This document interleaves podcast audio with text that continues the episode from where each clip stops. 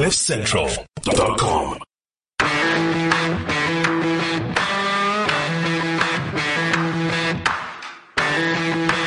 Welkom by die Klipkouer Spotgooi waar ek gereeld gesels met Afrikaanse entrepreneurs en impakmakers ten einde die beste praktiese advies met jou te deel. Ek is jou gasheer, Jacques Passon. Laat die wiele rol.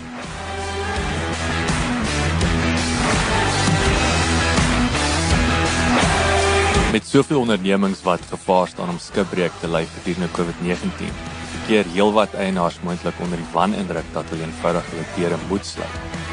Daar is egter alternatiewe opsies. Ek gesels 'n bietjie met Arno Jansen van Vieren van Stratlaw oor samesmeltings en oornames, oftewel mergers and acquisitions, as groeistrategie of terwyl oorlewingsstrategie sonder dat die besigheid se deure noodwendig gesluit moet word. Die hoofdoel is om 'n wen-wen situasie te probeer skep. En in die opsig is dit kritiek dat 'n mens se besigheid aantreklik is vir beleggers en dat jy ideale besigheidsvennote kan identifiseer. Lekker leer en lekker luister.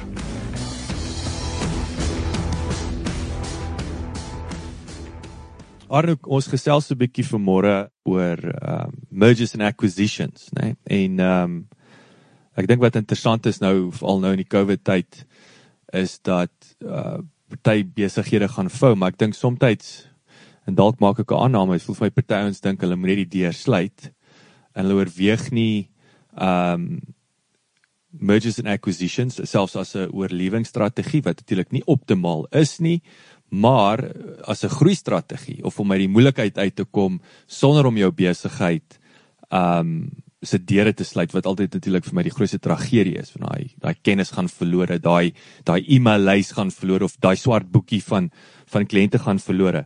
So wanneer moet jy oorweeg om in hierdie pad af te te stap? Dit dan. Jok ek dink ek dink dit was eintlik 'n goeie of 'n slegte tyd ooit vir 'n oorname van 'n maatskappy of 'n samesmelting nie. Ek dink dit bly 'n strategiese besluit vir 'n maatskappy. Um En ek dink op die einde van die dag as ons gaan kyk na maatskappy of enige onderhandeling eintlik, probeer ons 'n wen-wen situasie skep. Um dit is dis maar altyd ons uitgangspunt om te sê as ons 'n wen-wen situasie kan skep en twee gelukkige partye aan die einde van die van die proses kan hê, gaan ons verseker by 'n punt uitkom wat almal vorentoe kan gaan.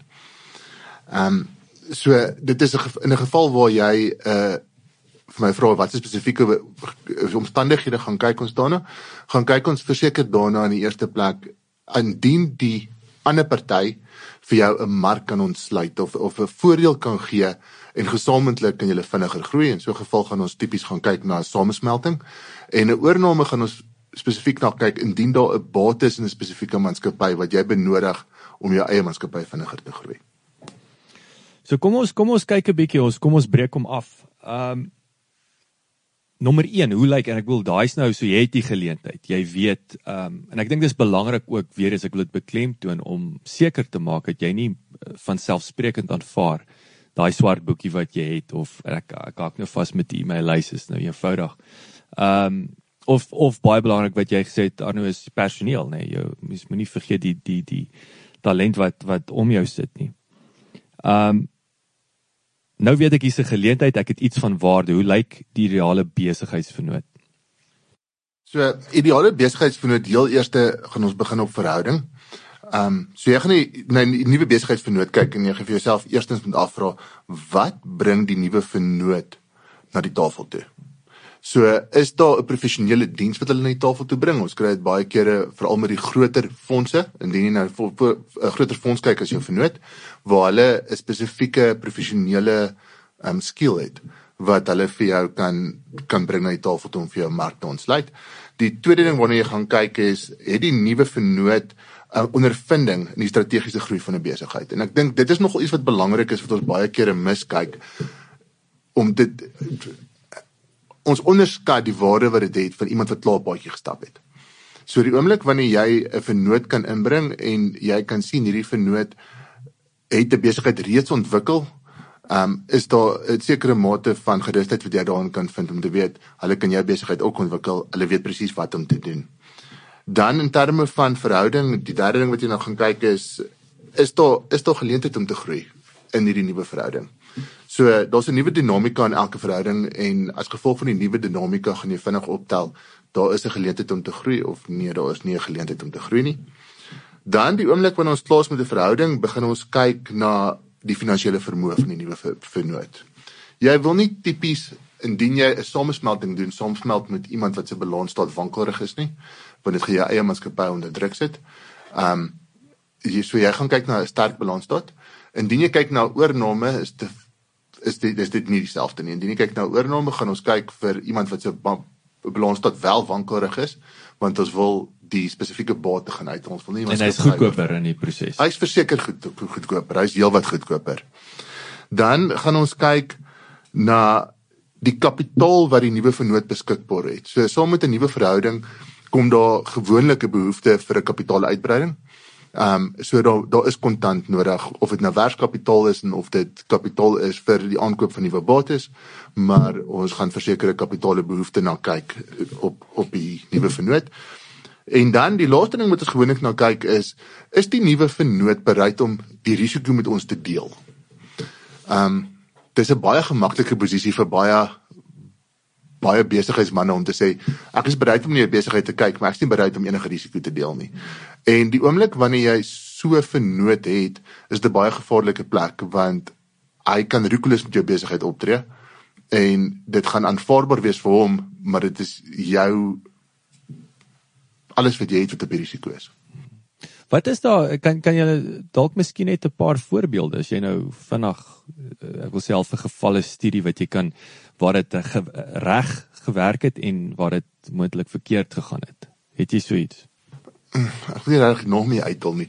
Ehm um, so ja, so ons het 'n uh, reg terug het ons 'n uh, transistor maatskappy gedoen. Ehm um, dit was deel ook gewees van 'n uh, ouer bejaarde ehm um, besigheidsman wat nie 'n opvolgplan gehad het nie. Ehm um, en hy het 'n baie baie sterk uh ehm um, basis gehad in Suid-Afrika wat hy gedien het van hier af.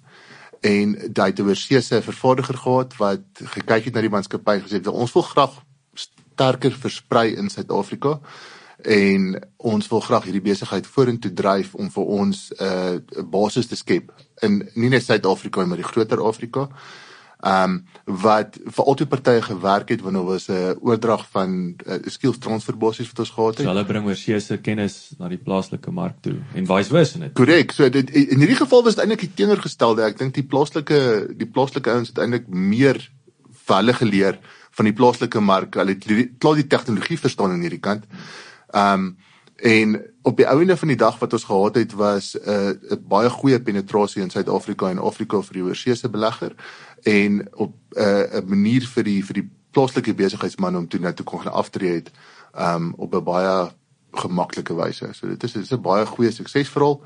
Um ek dink gevalle waar dit waar dit nie werk nie wat ons agterkom wat wat baie gebeur is wanneer ons baie twee baie sterk rade het en twee baie sterk voorsitters het. Um die 'n sterk voorsitter het, het gewoonlik 'n maatskappy kultuur tot gevolg. En wanneer jy twee sterk voorsitters het in verskillende maatskappye wat is in 'n samesmelting wat nie kan saamstem oor 'n saak nie, het dit nogal die vermoë om glad heeltemal sleg te werk. Ja.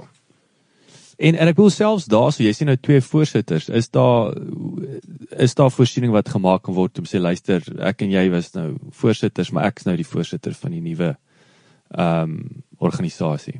Ja, so ons het 'n proses wat ons eintlik deurgaan in sulke gevalle. Ons ehm um, kry gewoonlik 'n bedryfsielkundige in wat werk met die bestuur van weerskante en dan vir ons aanbevelings gee vir hoe die samestelling lyk in die nuwe raad.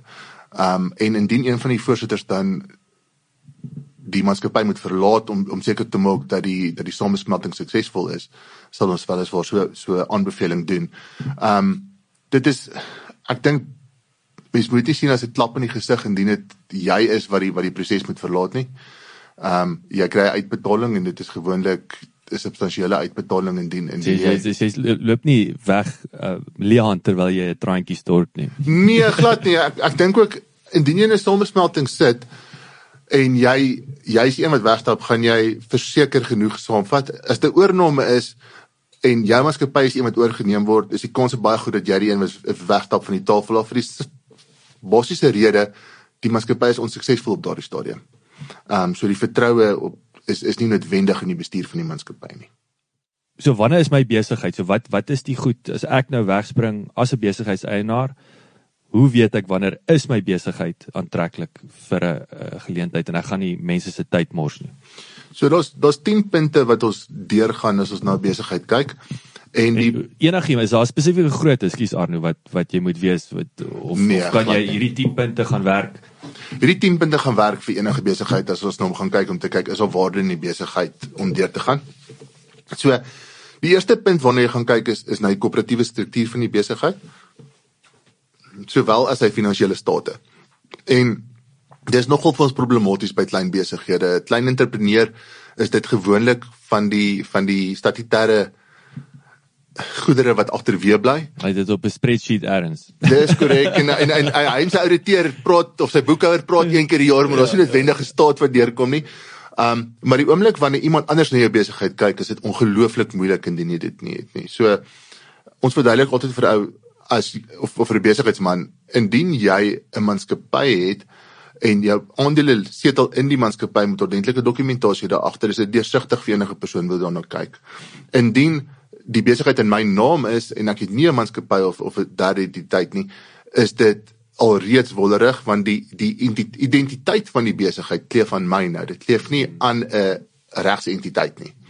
Die tweede ding wat wat baie problematies is is ongelukkig baie van ons kleiner besighede is die besigheid is eintlik maar net 'n salaris.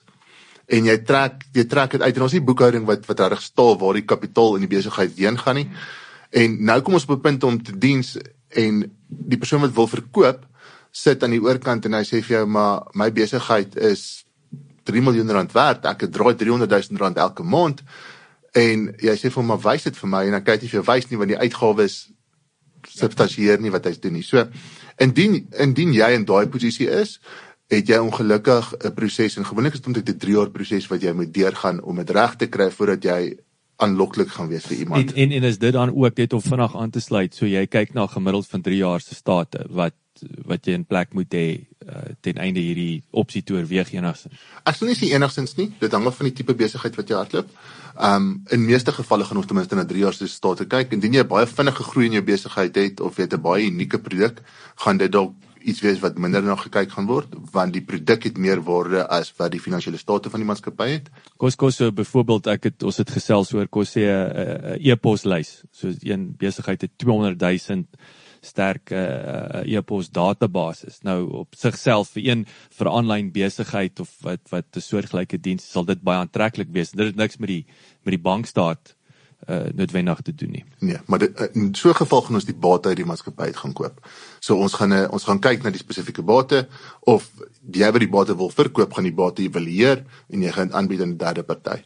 So jy breek die besigheid in in bates stukkies op of gaan, om om duidelik te identifiseer en en ek, ek, ek gaan jy spesifiek dit doen as jou as jou bankstate dalk nou nie so hot lyk nie, maar jy sit hier met 'n so sê met die beste ou in die industrie, beste verkoopsman in die industrie wat vir jou werk of of helse e-poslys of ehm um, jou jou sissie se man is is X. Hy toegang tot. ek ek dink dit hang af wat ons wil doen. So as ons 'n samesmelting van besighede gaan doen, is dit ongelukkig nie 'n ander pad nie. Ons gaan ons gaan moet kyk na die finansiële state want jy vat 'n nuwe besigheid te same met sy hele operasionele aktiwiteite in wat jy invat. So, so dit is wat jy invat. Indien ons 'n oorname doen, kan ons twee tipe oornames doen. Ek kan 'n oorname doen van jou hele besigheid. Indien ek dit gaan doen, gaan ek nog steeds na die finansiële state kyk want ek wil sien hoe daar aangaan en ek wil kyk wat's my risiko. Ehm um, maar ek kan ook 'n oorname van net 'n bate doen. En dit sal net tipies wees die die data lys. So dit dit gaan wees hier's hier's 'n spesifieke bate, daar's 'n prys op die bate, jy stel belang, stel nie belang en ek vat die koop die bate oor en dan gaan jy. Dis klaar. Wat wat is 'n uh, eh, oor die algemeen wanneer uh, het jy meer situasies waar die hele besigheid net oorgeneem word of of is daar baie gevalle waar daar net 'n stukkie bate gekoop word? So Suid-Afrika het eintlik 'n baie unieke situasie daarmee. Ehm um, omdat ons 'n baie groot familie komponent het in besigheid eienaarskap en ek dink ook omdat daar baie ehm um, 'n baie groot skuif is op die oomblik in Suid-Afrika waar baie van die jeug uit die land uit skuif en nie noodwendig hulle ouers se besighede meer oorvat nie. ehm um, is daar regtig baie besighede waar daar daar's groot potensiaal vir oorname van maatskappye. Ehm um, en en so dis nou dis nou 'n goeie tyd om om om te kyk. Ek dink die laaste 5 jaar is 'n goeie tyd om te kyk. Ek dink soveel met, ek seker nou met COVID se ons is ook nog meer beter. Met COVID verseker nou waar ons sit op die oomblik. Ek dink wat wat dit wel moeilik maak met COVID is almal se syfers is uit verband uit op die oomblik. En jy gaan nie raad is nie akkurate prentjie. Dis nie akkurate prentjie nie. Jy, jy gaan nie kyk na die laaste jaar se syfers nie, jy moet eintlik histories gaan kyk vir die laaste 2 of 3 jaar. En dan gaan kyk is dit 'n besigheid wat vir jou sin maak en kan jy die besigheid verder bedryf of in jou in jou eie omstandighede um in jou besigheid of as 'n addisionele besigheid in jou portefeulje van besighede. Wat is daar so nou is my bate uh, uh, geïdentifiseer of my my balansstaat alles my boeke maak sin wat is die ek wil sê wat is die going rate hier in Suid-Afrika? Wat wat is is dit 'n gesonde besigheid? Is minder gesond? Wat kan ouens wat is daai vermeerdervuldiger wat ouens na? So tipies van hulle sal kyk ouditeure het drie basisse wat hulle gebruik om um evaluasies van besighede te doen. So hulle sal kyk van 'n 'n price earnings um mal 5 indien dit 'n baie sterk besigheid is.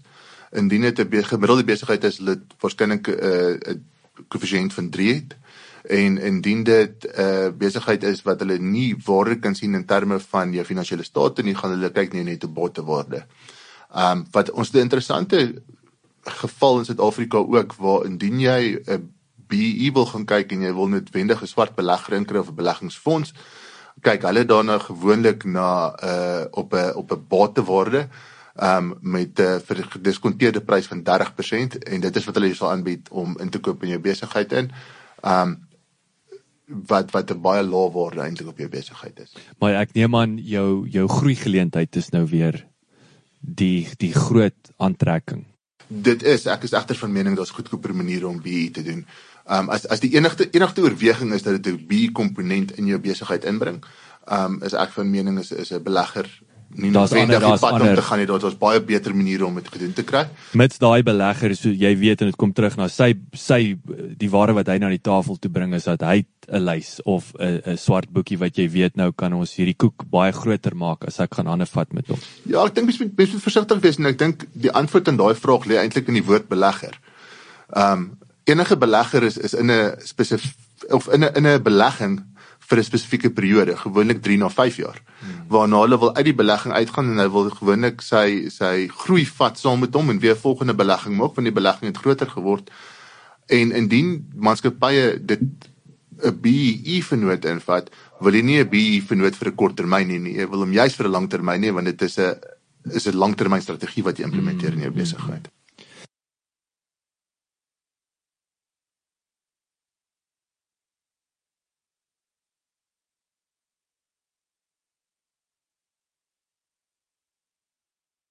Okay, so Arno, kom ons ons het nou jy het gesê as 10 punte. Uh ek wil sê evaluerings uh, uh punte om te weet of jy reg is vir 'n merger of 'n acquisition. So wat is die ander punte? So die kwaliteit van jou produk of diens is verseker iets om na te kyk. Die of jy jou eie intellektuele goedere reg besit en of dit in 'n derde party setel. Dan die derde punt is is al meer het jy meer as een geografiese area wat jy bedien. So hoe kleiner jou geografiese area is, gewoonlik hoe minder aanloklik is jy vir vir 'n belegger. Vierde punt, kwaliteit van jou werknemers en wat se wat se eienskap hulle na die tafel toe bring. Dan ons sesde punt is, het jy 'n suksesieplan vir jou besigheid? Wie is jou opvolgers? Is daar bestuur wat oorneem? Is daar niemand nie? Ehm um, indien daar 'n sterk bestuurspan is, is daar meer waarde in jou besigheid. Sewende punt, ehm um, of sorry, vyfde punt is jy uitgebreide kliënte of verskaffersbasis. Indien jy net een kliënt het, is daar altyd die probleem met 'n verhouding wat kan suur raak en jy kan hom verloor, selfs met 'n verskaffer, verskaffer kan sy deure toemaak en jy kan nie jou produk meer kry nie. Indien jy meerdere verskaffers of meerdere kliënte het, is daai risiko beperk en dienooreenkomstig is dit vir ons eh, meer aanloklik. Dan sit ons met jou stelsels binne in jou maatskappy. Ehm, um, het jy effektiewe voorraadbeheer? Het jy effektiewe debiteure en krediteure kontrole? Um, het jy effektiewe beheer uh, personeelbeheerstelsel in jou maatskappy. Dan sit ons op ons laaste puntjie en dit is weer eens kom ons terug na wat is die geleentheid van groei in my maatskappy? So het my maatskappy al klaar 'n hoogtepunt of 'n versorgingspunt in die mark bereik of is daar geleentheid vir die maatskappy om te groei? Wanneer stap ek weg? So die wegstap gewoonlik is is wanneer ons na iemand kyk en ons sien die kulture van die maatskappy is so wyd uitmekaar uit dat die maatskappye nie gaan saamwerk nie. Um ek dink dis dis die grootste gevaar lig vir enige samesmelting wat jy moontlik kan kry. En indien dit is dat jy net 'n oorname doen van van 'n maatskappy, dan gaan dit 'n prysensitiewe um onderhandeling wees. So dit gaan regtig wees van kan ek die maatskappy of die bate in die maatskappy aankoop teen 'n waarde wat vir my sin maak? Um en vir my maatskappy sin maak of is daai prys net te hoog? En dit sal die bepalende faktor wees van 'n verswegting. Arno van Straatlow, baie dankie vir jou tyd. Sal dit lekker om jou te gesels. Dankie, Jock.